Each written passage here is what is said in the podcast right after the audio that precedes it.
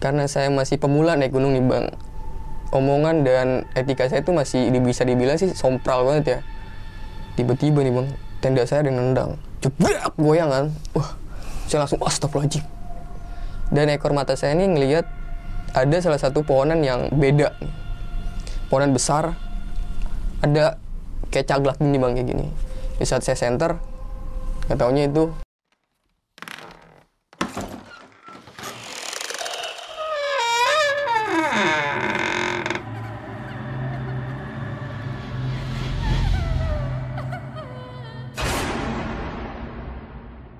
Assalamualaikum warahmatullahi wabarakatuh. Balik lagi di ngobrol.com dengan gue Jambe Salam Lestari. Baik teman-teman, pada kesempatan kali ini gue udah kedatangan narasumber Akeo. Ya. Apa kabar Akeo? alhamdulillah baik bang Alhamdulillah. Nah, Akeo ini juga punya channel YouTube. Namanya apa Akeo? cemas LD Cemas LD. Dan buat kalian jangan lupa mampir ke Cemas LD, subscribe, like, komen. Dan pada kesempatan ini, lu mau ceritain tentang apa nih Akeo?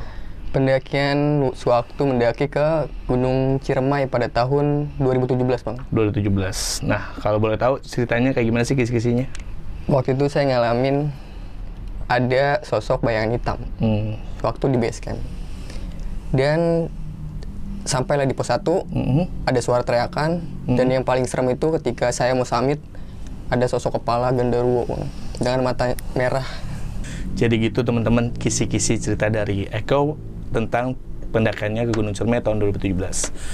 Nah sebelum masuk ke videonya buat teman-teman jangan lupa subscribe, like, komen juga buat ngobrol.com dan terima kasih buat teman-teman saran dan kritiknya semoga ngobrol.com semakin baik ke depannya. Baik tanpa berlama-lama kita langsung dengerin aja cerita dari Akeo.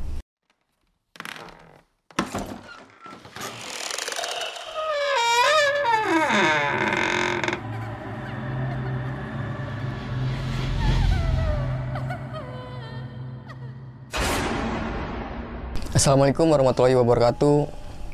Sebelumnya cerita ini bukannya untuk menakut-nakuti teman-teman ya bang ya. Kan tetapi saya cuma berbagi pengalaman saya sewaktu mendaki gunung bang. Awal cerita sebenarnya ketika saya lagi galau nih. Baru aja putus sama pacar kan. Akhirnya saya mutusin kan di rumah aja tuh bengong menyendiri. Tiba-tiba temen tahu nih kalau saya baru aja putus. Kayak lu ngapain sih ngomong-ngomong mulu mikirin padahal sih waktu itu saya nggak terlalu mikirin banget bang ya. Nah dia bilang lu ikut gak bulan Desember bulan September gua mau ke Gunung Ciremai nah dengan spontan saya bilang boleh lah. Nah sebelum keberangkatan itu dua hari keberangkatan saya dan teman-teman saya tuh ngadain briefing kan. Briefing lah waktu itu. Nah saya bilang kan ke si Taju ini teman saya Ju gua nggak punya alat-alat nih. Karena waktu pendakian itu pemula bang dia lu mah nggak nggak usah mikirin alat-alat gue ada kok dia bilang gitu. Yang penting lu ikut aja fix nggak ikut.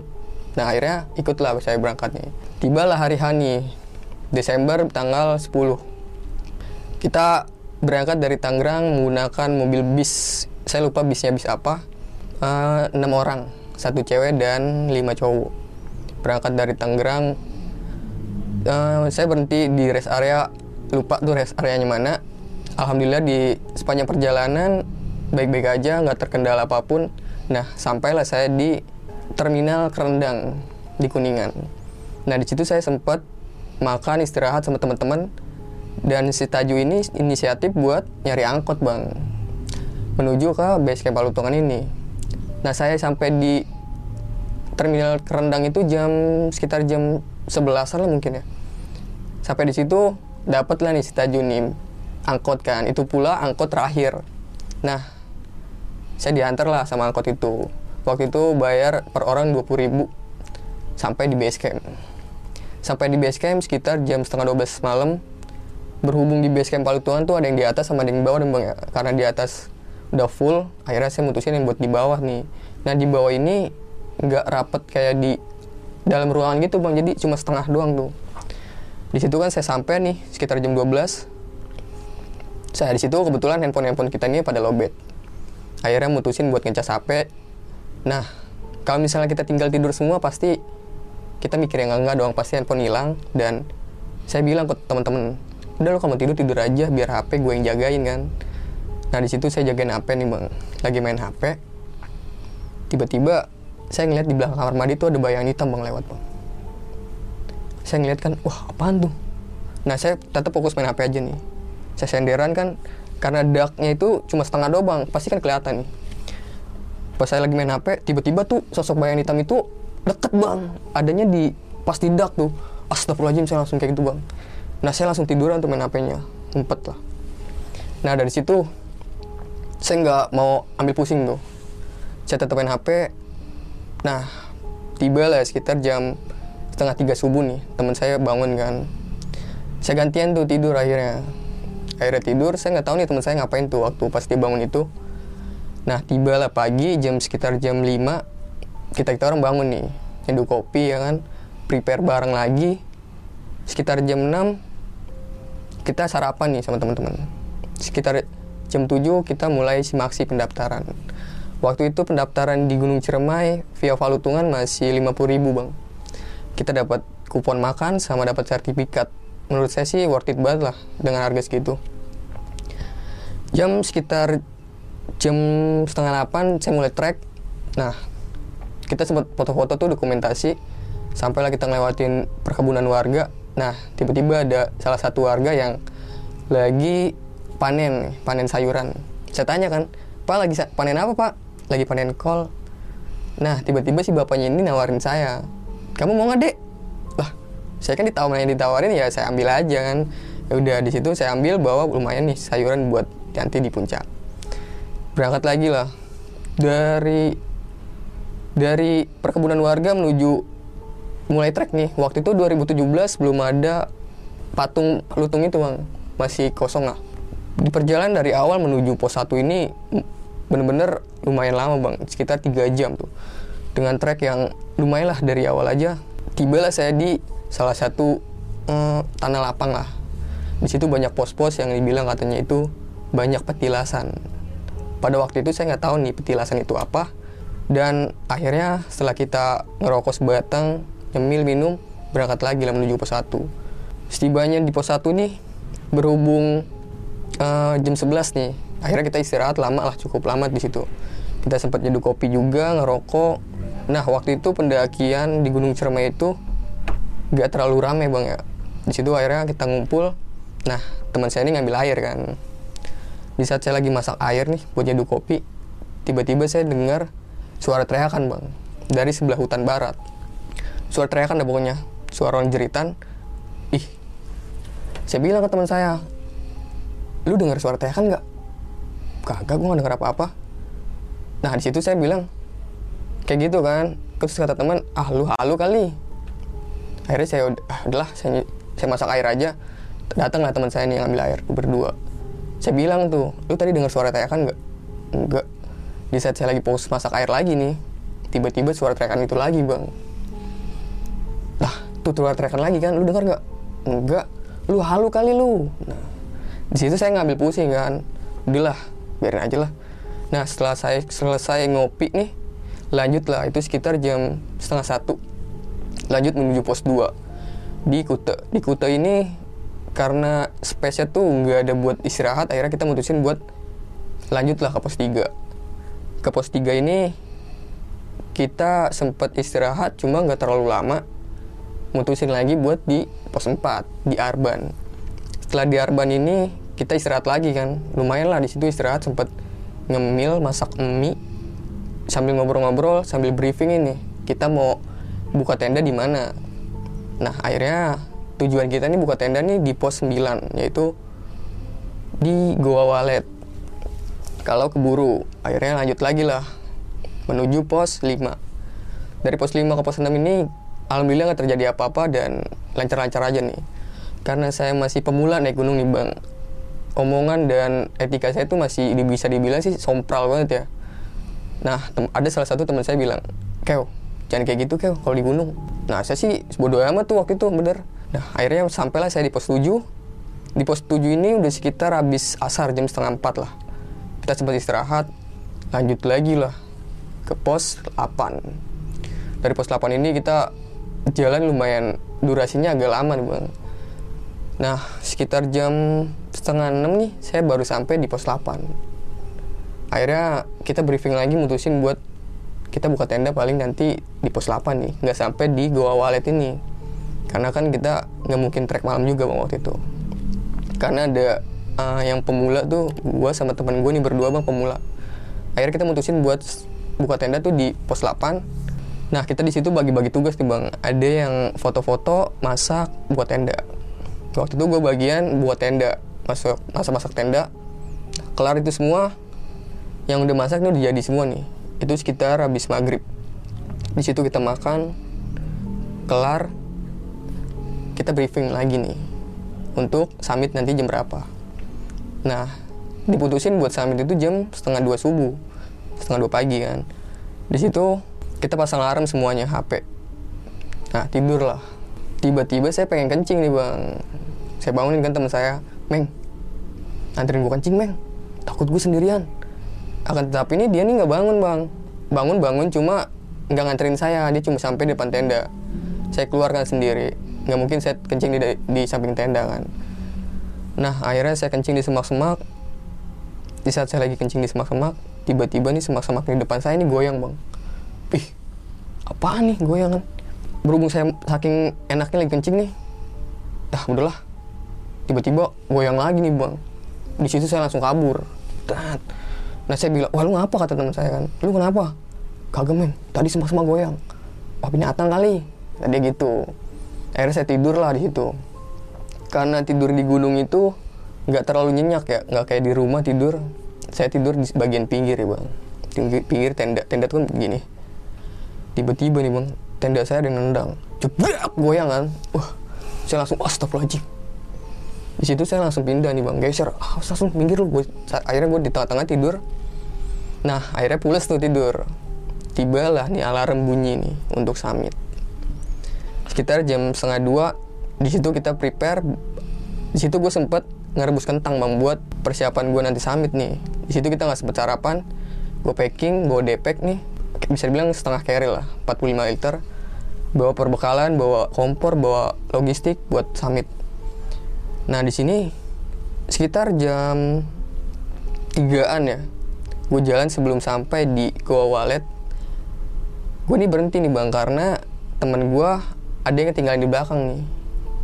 Nah tapi akan tetapi teman gue di berdua udah di depan. Gue sendiri di bagian semak-semak tuh sendiri. Gue berhenti gue inisiatif buat nyenterin teman gue yang di belakang bang. Karena gue waktu itu masih baru nih tentang gunung belum terlalu tahu banget lah masih awam gue tiba-tiba penasaran sama hutan kan kayak gimana nih. Saya ngeliat-ngeliat kiri kanan di hutan. Tiba-tiba saya ngeliat pohonan yang daunnya warna merah. Di saat saya center ih ini pohonan aneh banget. Ada satu pohonan itu aneh. Dan ekor mata saya ini ngeliat ada salah satu pohonan yang beda nih. Pohonan besar ada kayak caglak gini bang kayak gini. Di saat saya center nggak taunya itu sosok semacam pala gede bang. Bulu hitam. Saya nggak tahu ini ada di sini ada kuping atau tanduk saya nggak tahu. Saya center kan. Wah di situ saya sempat bengong bang. Sempat ngeliatin. Sempat ngeliatin matanya tuh merah bang. Dia ngeliat saya saya ngeliat dia. Astagfirullahaladzim. Saya langsung gitu kan nunduk. Di situ saya baca doa bang. Sebisa saya mungkin lah. Saya lanjut jalan nih. Karena saya nggak mau nunggu teman saya kan. Karena saya sendiri tuh di situ saya jalan numpang numpang nih numpang numpang lah. Ketemu lah nih teman saya di depan. Lu kenapa keo gua ngeliat ini men. Nah kata dia ini lu usah cerita di sini. Nanti aja pas kita turun cerita. Wah akhirnya saya nggak cerita tuh. Lanjut lah jalan lah ngelewatin uh, Goa Walet. Tibalah saya sebelum puncak tuh sekitar jam setengah lima nih. Sampailah di saya di jalur batu-batuan tuh nah akhirnya teman saya di belakang nih nyusul nggak taunya dia tidur di trek. Sampailah teman saya datang kita lanjut lagi nih menuju summit nih di jalur batu-batuan. Sekitar jam 5 kita sampai di pertengahan dikit lagi mau puncak. Tuh di situ badai bang. Gede banget. Badai akan tetapi nih kita ngumpet nih di semak-semak karena dingin kan. Ada salah satu teman saya nih yang pakai celana pendek samit cuma dia bawa pakaian lagi di carry kan kayak ini. Tiba-tiba dia, dia kedinginan bang. Kedinginan. Kayak seakan-akan tuh hipo. Tiba-tiba dia pingsan bang. Pingsan. Nah kita kita orang nih berenam nih panik bang. Lah ini mau, mau lanjut apa mau turun nih? Nah akhirnya mutusin buat turun tuh. Akhirnya kita gotongan teman. Di saat kita lagi gotong nih bang tiba-tiba dia ngagetin bang. Bangun langsung wah wah Pertama dia ngeprank bang. Dia mau ngetes kita kita orang nih peduli atau enggak. Soalnya dia nih menurut saya sih pendak senior bang. Dia udah pernah ke Ciremai udah dua kali melalui via lingkar jati. Nah di situ dia bilang gue cuma ngetes lu doang lu peduli atau enggak? Kayak gitu. Di situ saya sempet, panik lah sama teman-teman saya nih. Wah parah lu bang. Gue udah panik banget sumpah. Akhirnya di situ lah kita lanjut nih. Badai udah mulai reda. Sampai kita di puncak. Itu gue bener-bener seneng banget bang. Gue ngeliat awan yang nggak pernah gue lihat matahari terbit yang gue nggak pernah lihat dan gue ngerasa di saat di puncak ini kegalauan gue hilang nih tentang mantan gue ini. Di situ gue uh, lumayan lah foto-foto sekitar satu jam lebih mungkin. Tiba-tiba badai lagi nih bang setelah di puncak. Akhirnya kita mutusin buat melipir di bawah sedikit tuh di semak-semak bunga Edelweiss kita di situ sempat masak indomie karena kita sarapan cuma kentang rebus doang bang. Ngebus masak kopi segala macem lah. Kelar situ teman gue berdua ini turun nih bang. Gue turun duluan kali ya gue masak lah. Itu sekitar jam setengah sepuluh dia udah turun duluan tuh. Nah akan tetapi gue berempat nih masih foto-foto sibuk foto-foto lah. Setelah situ badai reda kita puncak lagi bang. Waktu itu gue nggak sempet foto di tubuhnya sayang banget sumpah. Nah akhirnya pas temen gue turun duluan nih gue mutusin buat turun sama si cewek. Itu sekitar jam 10 akhirnya gue turun. Nah gue turun sama si, sama si cewek ini tuh lari-larian bang. Tahu sendiri kan di trek arah summit itu kan jalurnya batu-batuan pasir-pasiran. Kan tetapi gue lari-larian. Di saat gue lagi lari-larian tiba-tiba gue kepleset bang. Jatuh itu di bawah gue nih udah semacam kayak jurang cuma nggak terlalu terjal lah. Itu gue udah jatuh bang. Kayak gini mau dikit lagi gue tiba-tiba gue ditangkap sama teman gue tuh si cewek ini. Gue berterima kasih banget tuh sama si cewek. Mungkin kalau nggak ada si cewek ini gue mungkin bisa jatuh bang. Di situ gue berterima kasih banget sama dia. Akhirnya dia bilang lu nggak kenapa-napa keo? Kagak mut. Namanya Mutia nggak apa-apa mut. Lah kita turun lagi. Turun akhirnya gue turun dengan jalan lah biarin lah mau lama kayak yang penting gue selamat nih. Sampai di uh, tenda gue lagi nih sekitar jam setengah sebelas di situ gue sempat nyemil tuh sempat ngopi juga karena udah disiapin sama temen gue ini. Nah masih ada dua orang kan temen gue yang di belakang. Jam 11 dia turun lah. Sampai dia kita makan sarapan semua prepare lagi buat turun. Itu sekitar jam setengah 12 kita turun bang mulai sampai di pos 7 kita sempat berhenti karena ajan juhur. Di situ kita sempat stay lah pokoknya lama lah. Karena ajan kan gak enak juga. Lanjut lagi jam 1 karena kita ngejar waktu juga biar nggak terlalu malam lagi. Di pos 6 pos 5 lagi nih sempat berhenti di pos 4 lah di Arban tuh. Sempat berhenti kita lumayan lama di situ. Berhenti kita sempat masak mie juga makan agar-agaran tuh nah tiba-tiba ada burung nih bang. Burung hitam lewat di depan gua nih. Di saat gua lewat nih burung nggak terbang-terbang.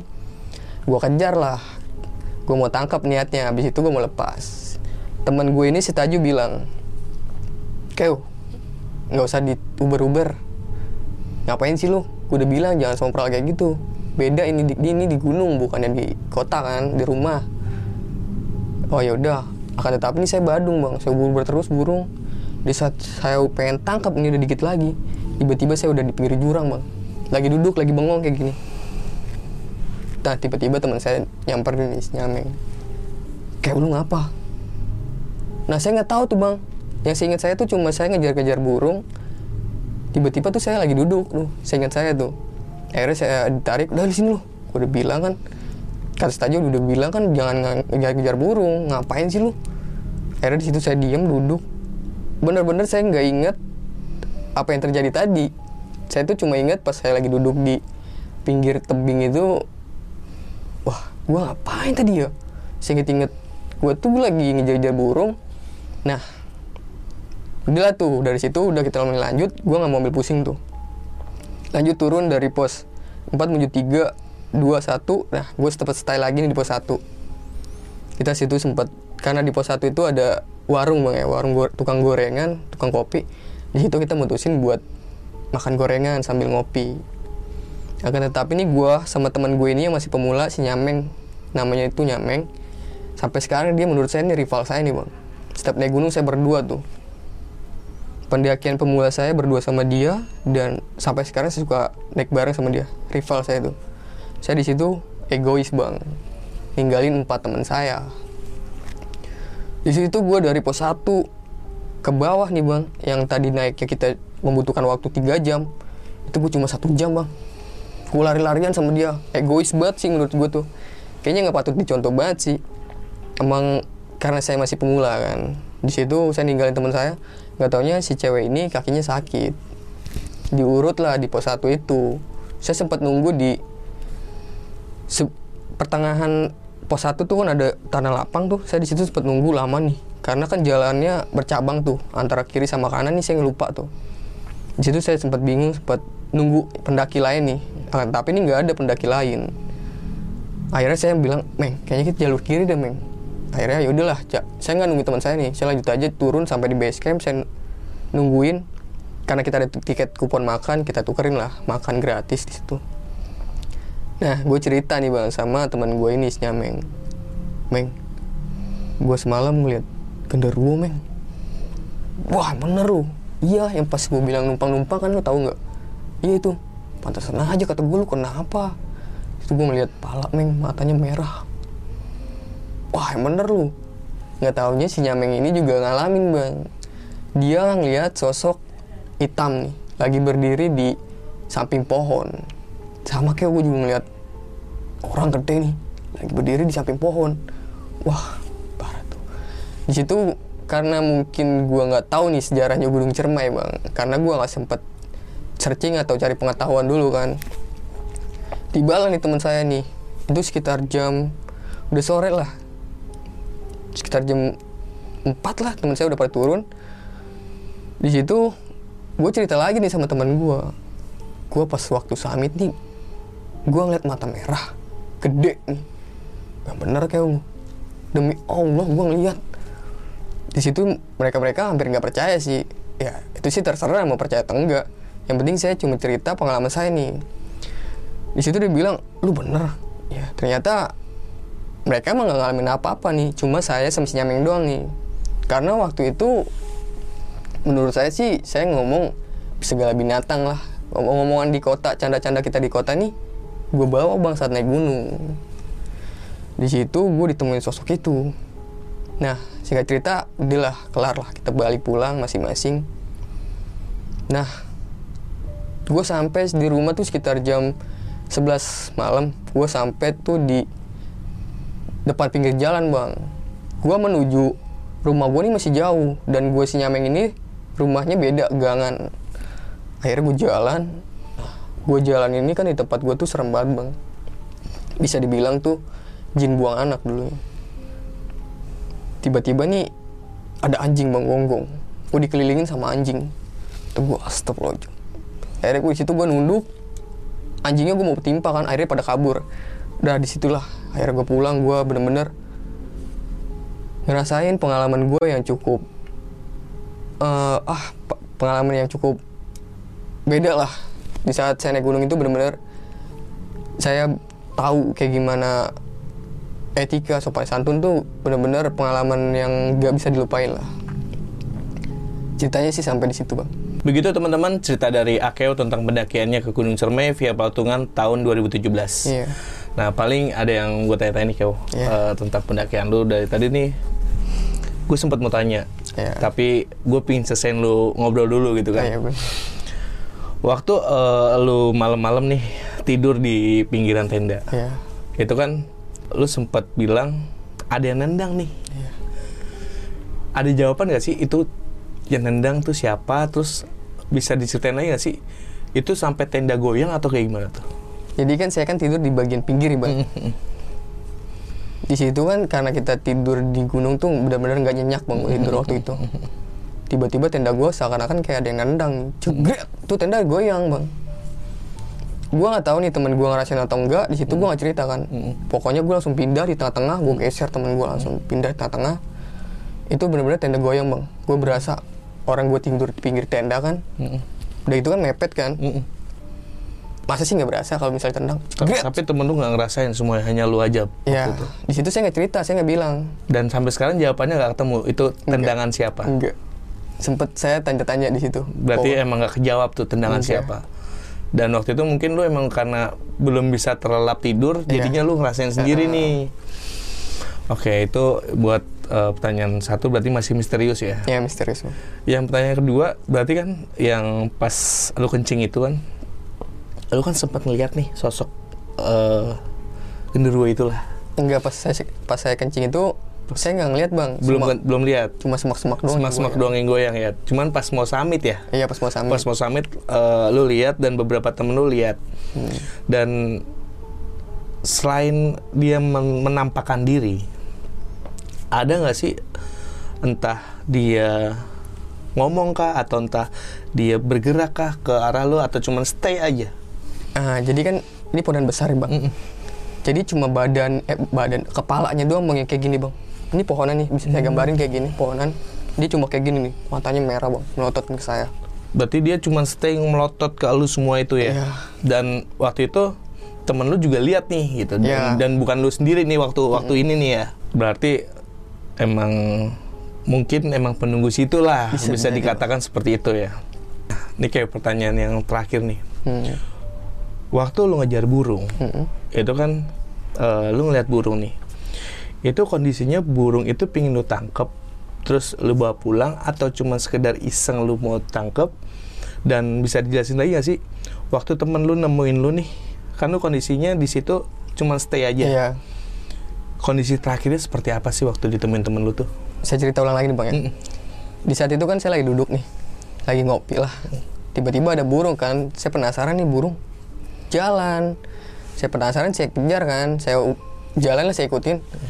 Nah niat saya tuh saya pengen tangkep. Kalau misalnya burung biasa sih deketin orang pasti bakal terbang kan bang. Iya. Akan tetapi ini burung lah. Saya uber-uber nih nggak terbang-terbang malah ikutin jalan. Di saat saya mau tangkap nih, udah deket banget di depan saya. Saya mau tangkap, tiba-tiba burung itu nggak ada dan saya tuh lagi duduk di pinggir berarti tebing. hilang kondisinya waktu lu tangkep hilang dan lu nggak sadar gitu Iya, ya burung itu terbang. Cuma saya tiba-tiba udah lupa lah. Hmm. Tiba-tiba ada di pinggir tebing. Nggak sadar aja Nggak gitu. sadar. dan temen lu nemuin posisinya lu udah di pinggir jurang dengan posisi ngalamun tadi Iya. Tiba-tiba saya disamperin sama teman saya nih. Kayak lu ngapa? Gue lihat tuh bengong duduk situ. Ditarik lah sama dia. Dikasih air minum. Si Taju bilang, Kew, gue udah bilang kan, ini tuh kita bukannya di kota, kita lagi di gunung. Di situ gue diem aja bang, iya juga ya. Yang setahu gue yang gue inget tuh cuma ini bang, gue lagi ngejar-ngejar burung kan. Di saat gue pengen tuh tiba-tiba gue lagi duduk. Di situ yang gue heran tuh. Seakan-akan kayak ingetan gue tuh di paham paham paham Hilahin gitu, Bang. jadi intinya lu emang bener-bener blank lah kasarnya Blank, bener. blank dan paling terakhir nih Hmm. kira-kira dari cerita pendakian lu ini ada pesan apa sih buat teman-teman di rumah terus ada hubungannya nggak sih dengan sikap lu dari awal sampai Ya. akhir itu bisa dikasih tahu ke teman-teman paling buat teman-teman sih ketika kalian naik gunung nih kan kalian nggak tahu nih sejarah atau adat dan istiadat gunung itu sendiri kan. Gua cuma bilang dan gue cuma ngingetin jaga sopan santun jaga etika dan jangan pernah ngomong sembarangan bang.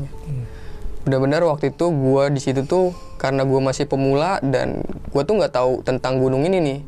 Di situ gua omongan gua di kota tuh gua bawa ke gunung dan nggak taunya nih setelah gua searching gua cari tahu tentang gunung Ciremai ini nggak taunya mitosnya banyak banget bang. Hmm.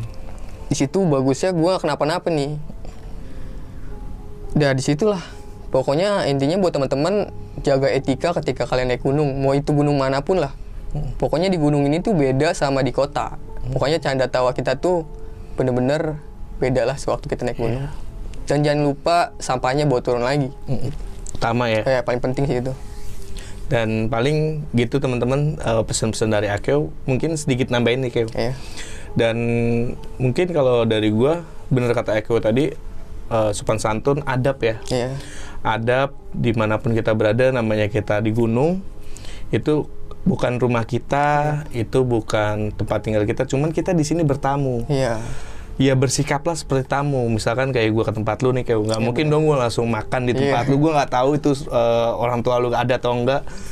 Dan terakhir paling yang dari cerita Eko, ya tetap jaga eh, solidaritas lah Iya. antar teman. Jadi tadi kelihatan banget di situ sebenarnya bisa dipelajarin kalau temennya Eko itu cuma ngetes Iya. lu solidaritas gak sih Benar, sama benar. temen lu gitu kondisinya di gunung kadang kan kita namanya di gunung sebenarnya bukan karena tem, eh, temen juga. Kadang kita sesama pendaki pun harus saling membantu Benar, benar, gitu sih paling.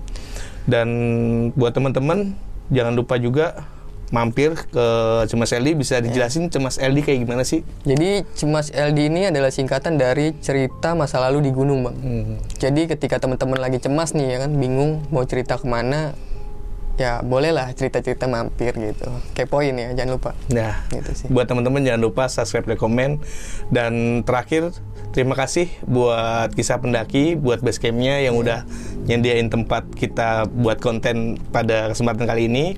Dan buat teman-teman juga jangan lupa subscribe, like, komen buat ngobrol.com. Oke teman-teman, paling untuk kesempatan kali ini gitu aja. Dan buat Akeu, makasih banyak sebelumnya Ya, udah mampir ngobrol.com. Dan buat teman-teman stay tune terus di ngobrol.com. Go.